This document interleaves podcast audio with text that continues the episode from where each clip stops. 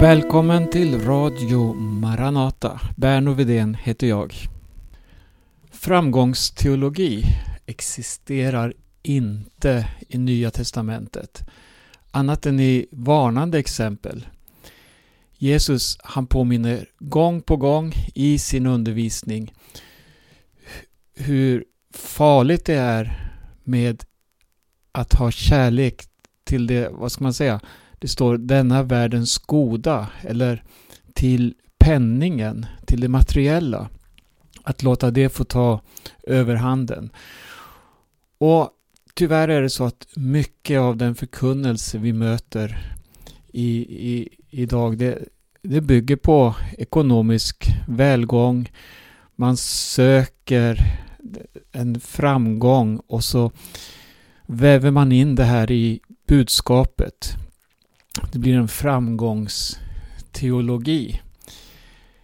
Vad Jesus däremot lyfter fram och vad Nya Testamentet också lyfter fram och även Gamla Testamentet det är det som har med försakelsen att göra.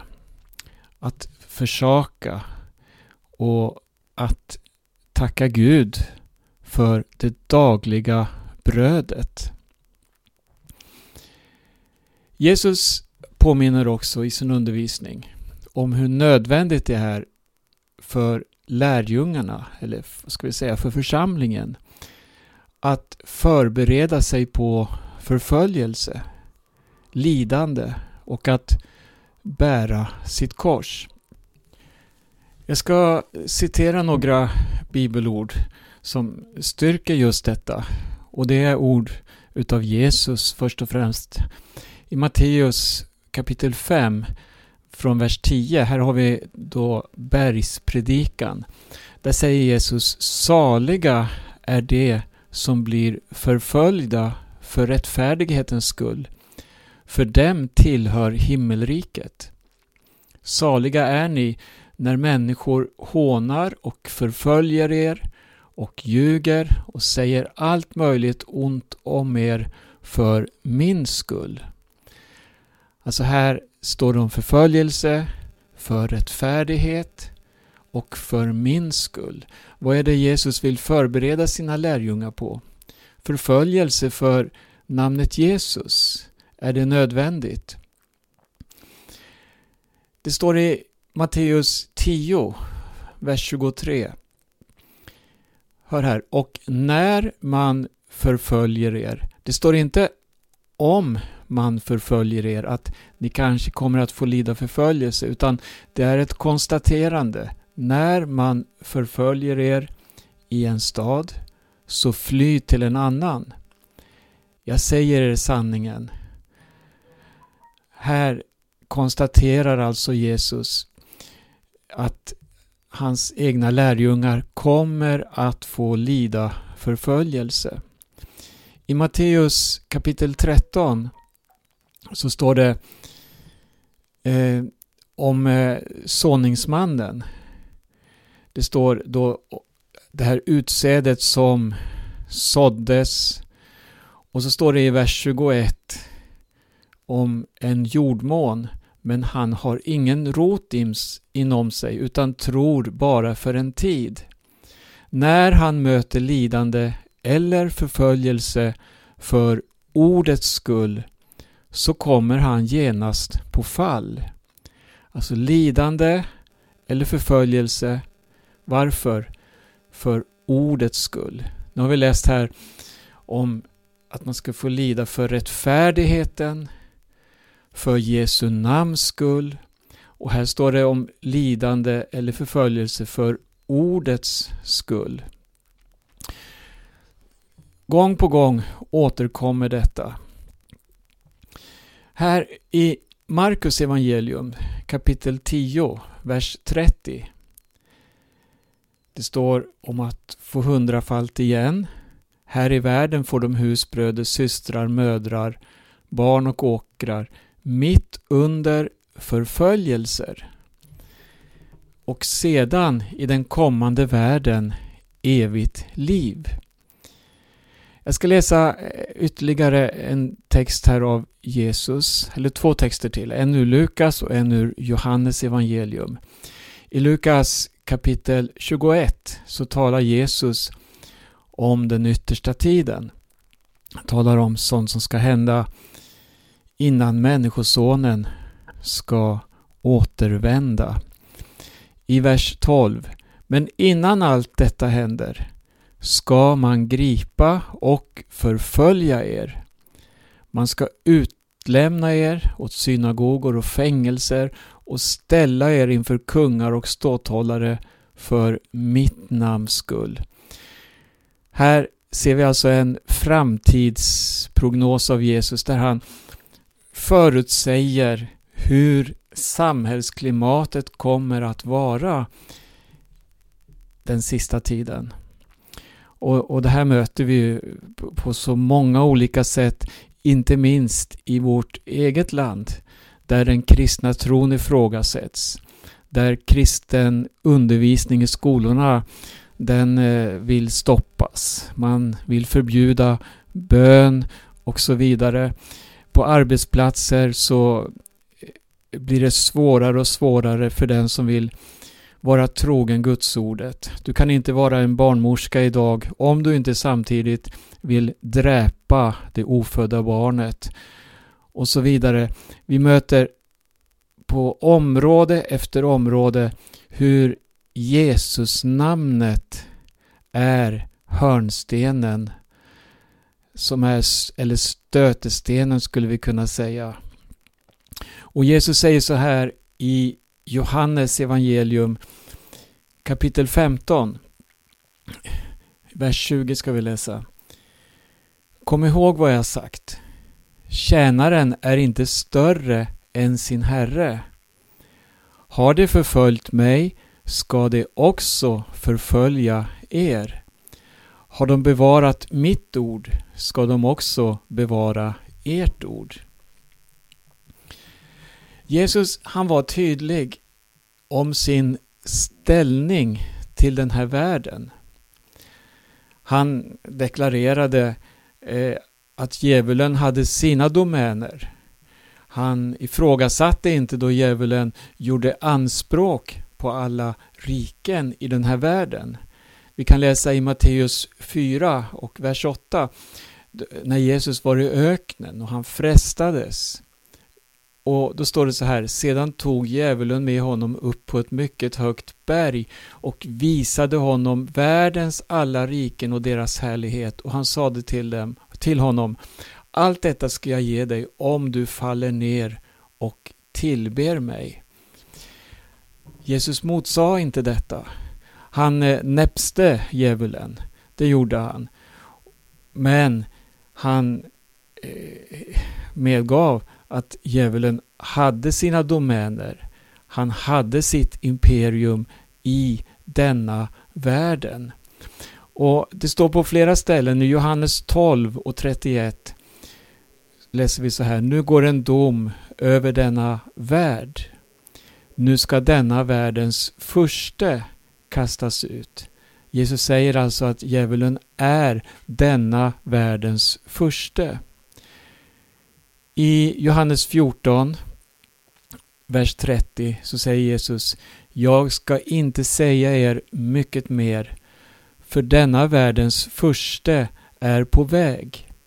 Han har ingen makt över mig. Eller som det står i 1917 års översättning I mig finns ingenting som hör honom till. Tydliga deklarationer, ett avståndstagande och i, i, i kapitel 16 i Johannes också, vers 11, där det står om synd, rättfärdighet och dom. Då står det så här om dom. Denna världens förste är dömd. Jesus deklarerar alltså att den här världen har sin förste. Han deklarerar i mig finns ingenting som hör honom till. Och vi kan också läsa Eh, uttryck som i världen men inte av världen. Och Jesus säger också att jag har tagit er ut ur världen. Och vad betyder det här konkret? Vad, vad, vad, vad för det med sig för konsekvenser om vi nu vill vara trogna Jesu ord och med våra liv också deklarera att vi hör Guds rike till. Vi ska fortsätta läsa och se vad som hände när Jesus hade fullbordat frälsningsverket. Han hade gett sitt liv, han hade uppstått från de döda, han hade återvänt till Fadern. Men han gav ju också lärjungarna löftet om att de skulle få kraft när den helige Ande kom över dem. Och när vi läser i Apostlagärningarna så läser vi om en oerhört mäktig tid då evangelium spreds ut över jorden.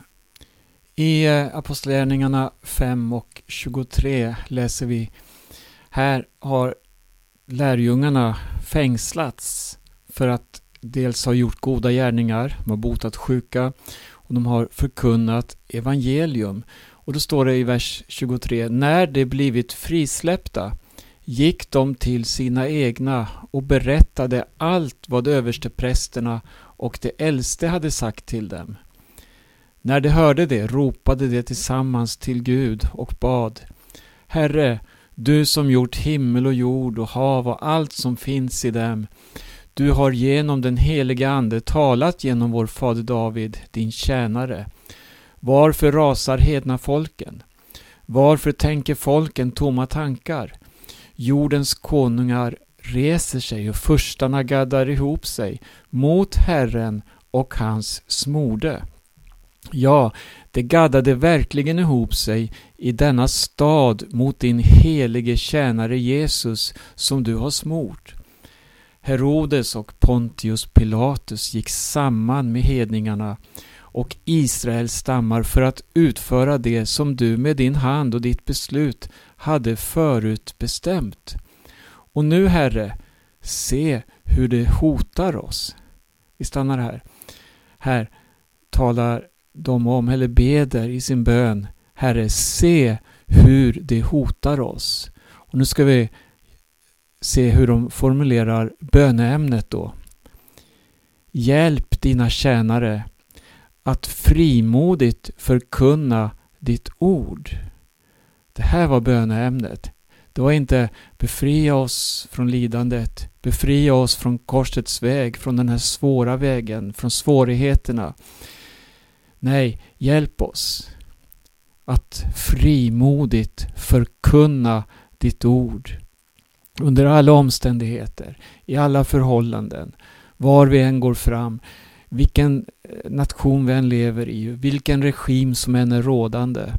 Jag tänker på syskon vi har runt över vår jord i länder där det är sån oerhört svår förföljelse.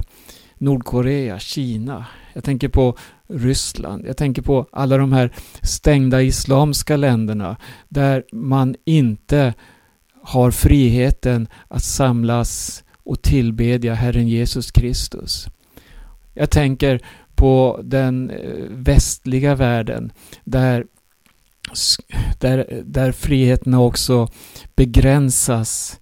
Sakta, sakta, sakta men det är som att alla sinnen bearbetas om man inte anpassar sig till den rådande ordningen när det gäller HBTQ, när det gäller synen på abort och så vidare.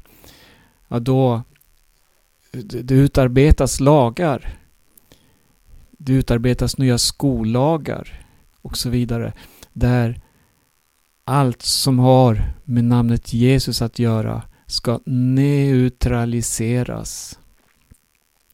Och vi behöver verkligen stämma in i den här bönen. Hoten, de kommer till oss också dessa dagar.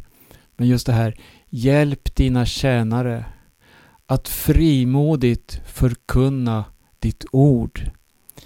Genom att du räcker ut din hand och låter helande tecken och under ske genom din helige tjänare Jesu namn. Evangelium är kraftigt. genom tecken och under så ska människor få se att det är kraft i evangelium. Och vad är det största under en människa kan få vara med om? Det är just det här att få sitt liv förvandlat. Ett möte med Jesus. Det som aposteln Paulus fick erfara i sitt liv när han med hot och modlust for ut mot Jesu lärjungar för att fängsla och utrota den rörelsen. Men han fick möta Jesus. Han blev tillintetgjord, totalt krossad i sitt inre. Han fick se att Jesus är Guds son. Det står vidare i Apostlagärningarna om en förföljelse som inleddes genom Stefanus vittnesbörd. Stefanus var ju en diakon i församlingen och hade ett gott vittnesbörd. Han var fylld av helig ande och han drog sig inte för att gå ut och tala evangelium med invånarna i Jerusalem. Och det här blev för mycket. Just när människor fick se hur Jesus namnet blev ett hot mot institutionerna, hot mot den religiösa traditionen, mot allt det här man var så eh, van att leva. Och man fängslade Stefanus. Och man hittar ju ingenting, självklart, för att eh, döma honom. Men man eh, sökte istället falska vittnen. Och jag läser det nu från Apostlagärningarna 6 och vers 11. Då intalade det några män att säga Vi har hört honom predika hädiska ord mot Mose och Gud. De hetsade upp folket och de äldste och de skriftlärde och kom sedan och grep honom och förde honom inför Stora rådet.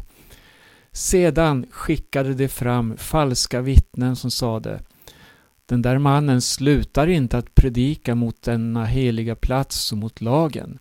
Vi har hört honom säga att Jesus från Nasaret ska bryta ner denna plats och ändra på de seder som Mose har gett oss. Alla som satt i rådet fäste blicken på honom och de såg att hans ansikte var som en ängels. Se på konfrontationen. Vad var stötestenen? Jo, namnet Jesus. Precis det här Jesus hade talat om tidigare. För mitt namns skull. Och det är så oerhört det här, den människa som öppnar sitt hjärta för Jesus, får sitt liv förvandlat, men blir samtidigt en främling här i tiden. Bokstavligt så blir vi medborgare i Guds rike, vilket innebär att vi också får främlingskap. Vi får uppleva främlingskap här i tiden. Inte med hat, inte med hot. Nej, vi har fyllts av en kärlek som gör att nu vill vi vinna hela världen för Jesus. Så att varje människa ska bli fria från den fördömelse vi själva levde under tidigare. Men det blir konfrontation och det leder till förföljelse. Det står i Lukas 23. Eh, här har vi en berättelse om när Jesus dömdes och sedan fördes till Golgata. Och i vers 26 så står det så här. När de förde bort honom grep de en man som just kom in från landet, Simon från Kyrene. På honom lade de korset för att han skulle bära det efter Jesus. Här ser vi en bild på församlingens uppgift att genom alla generationer bära korset. Jesus, han bar inte sitt kors för att vi skulle slippa lidandet eller för att vi skulle fly bort ifrån korset. Nej, han ger oss kraft. Han hjälper oss att härda ut. Han bar korset för att befria oss från synden. Han tog bort synden genom att ge sitt liv. Han bar allt i sin kropp. Han tog alla dessa bördor från oss. Korset, det befriar från synden. Alltså Jesu Kristus, Guds sons, sons blod, renar från all synd. Men han tog inte bort sorgerna från oss. De får vi bära. Vi får bära mycket lidande. Och enligt Nya Testamentet förväntas vi att lida i den här världen. Gud, han är tröstens Gud. Och korset som vi bär, det är inte vårt, utan det är Kristi kors. Då vi tyngs av bördor som är orsakade av vår tro och vårt lärjungaskap. Tänk vad stort det är då att veta att det är Kristus som har gått före samma väg. Du följer honom. Hans fotsteg, de är tydliga. Precis som en herde som går före sina får. Ta ditt kors och följ Jesus. Och du är inte heller ensam. Det står om Jesus i Johannes så här, eh, en annan skildring då av Golgatavandringen. Det står att han bar själv sitt kors. Och hur får man ihop det här? För Lukas skriver att Simon från Kyrene fick bära hans kors. Enligt vissa tolkningar så bar Simon en del av korset. Men Jesus bar den tyngsta biten. Oavsett exakt hur det gick till så är det med oss på det här sättet att Jesus han bar korset och tog alla tunga, tunga bördor på sig. Han gjorde det omöjliga och befriade oss från synden. Den börda som skilde oss från Gud. Men han gav oss också ett annat kors att bära. Det står i, i Matteus 10.38 så här. Den som inte tar sitt kors och följer mig är inte värdig mig. I Matteus 16 och 24 då sa Jesus Om någon vill följa mig ska han förneka sig själv och ta sitt kors och följa mig. Lukas 14 har vi något liknande där Jesus säger Den som inte bär sitt kors och följer mig kan inte vara min lärjunge. Tänk på Simon. Han bar korset en liten sträcka. Det var en börda han fick vara med att bära. Det gav honom lidande för en kort sträcka men en bestående ära. Det han gjorde det är inskrivet i historieböckerna. Han var korsbäraren, Simon. För stunden var det smälek. Det var hån från åskådarna där han gick tillsammans med Jesus upp mot Golgata. Men resultatet pekar framåt. Jesus gick före. Han bar den verkliga smärtan. Han tog den och begravde den i sin egen kropp. Vårt kors är tillfälligt. Det är timligt. Det finns ett uttryck som säger korset först, kronan sedan. Istället för att håna och förlöjliga denna lidandets väg. Värdesätt det. Det är likt ädel metall som har luttrats i eld. Vi ska läsa i Romarbrevet 8. Är vi barn så är vi också arvingar. Guds arvingar och Kristi medarvingar. Lika visst som vi lider med honom för att också förhärligas med honom. Jag menar att den här tidens lidanden inte kan jämföras med den härlighet som ska uppenbaras och bli vår. Ett annat bibelcitat, det hämtar vi från sändebreven. Och där skriver Johannes då, han nedtecknar ju Jesu egna ord i sändebrevet till Philadelphia, Uppenbarelseboken 3 och 11. Då får de den här uppmaningen. Jag kommer snart. Håll fast vid det du har så att ingen tar din krona. Det här skrevs om en församling som präglats av fattigdom och lidande men de hade något som var så mycket mer värdefullt. Håll fast vid det du har. Det eviga livet. De värden som Jesus har lagt ner i församlingen, i var och en av syskonen. Det som är knutet in i det evigheten med denna segerlön som väntar. Det här med att bära korset. Det står så här i Hebreerbrevet också. Vi ska få med det. Kapitel 13, vers 13. Låt oss därför gå ut till honom utanför lägret och bära hans vanära. Här har vi ingen stad som består, men vi söker den stad som ska komma. Anledningen till att vi drar oss mer och mer ut från världen och dess tänkesätt, dess sätt att leva, det är inte att vi vill isolera oss. Nej, men det är för att Jesus, han gjorde så. Han gick före, han gick utanför lägret och han sa Följ mig.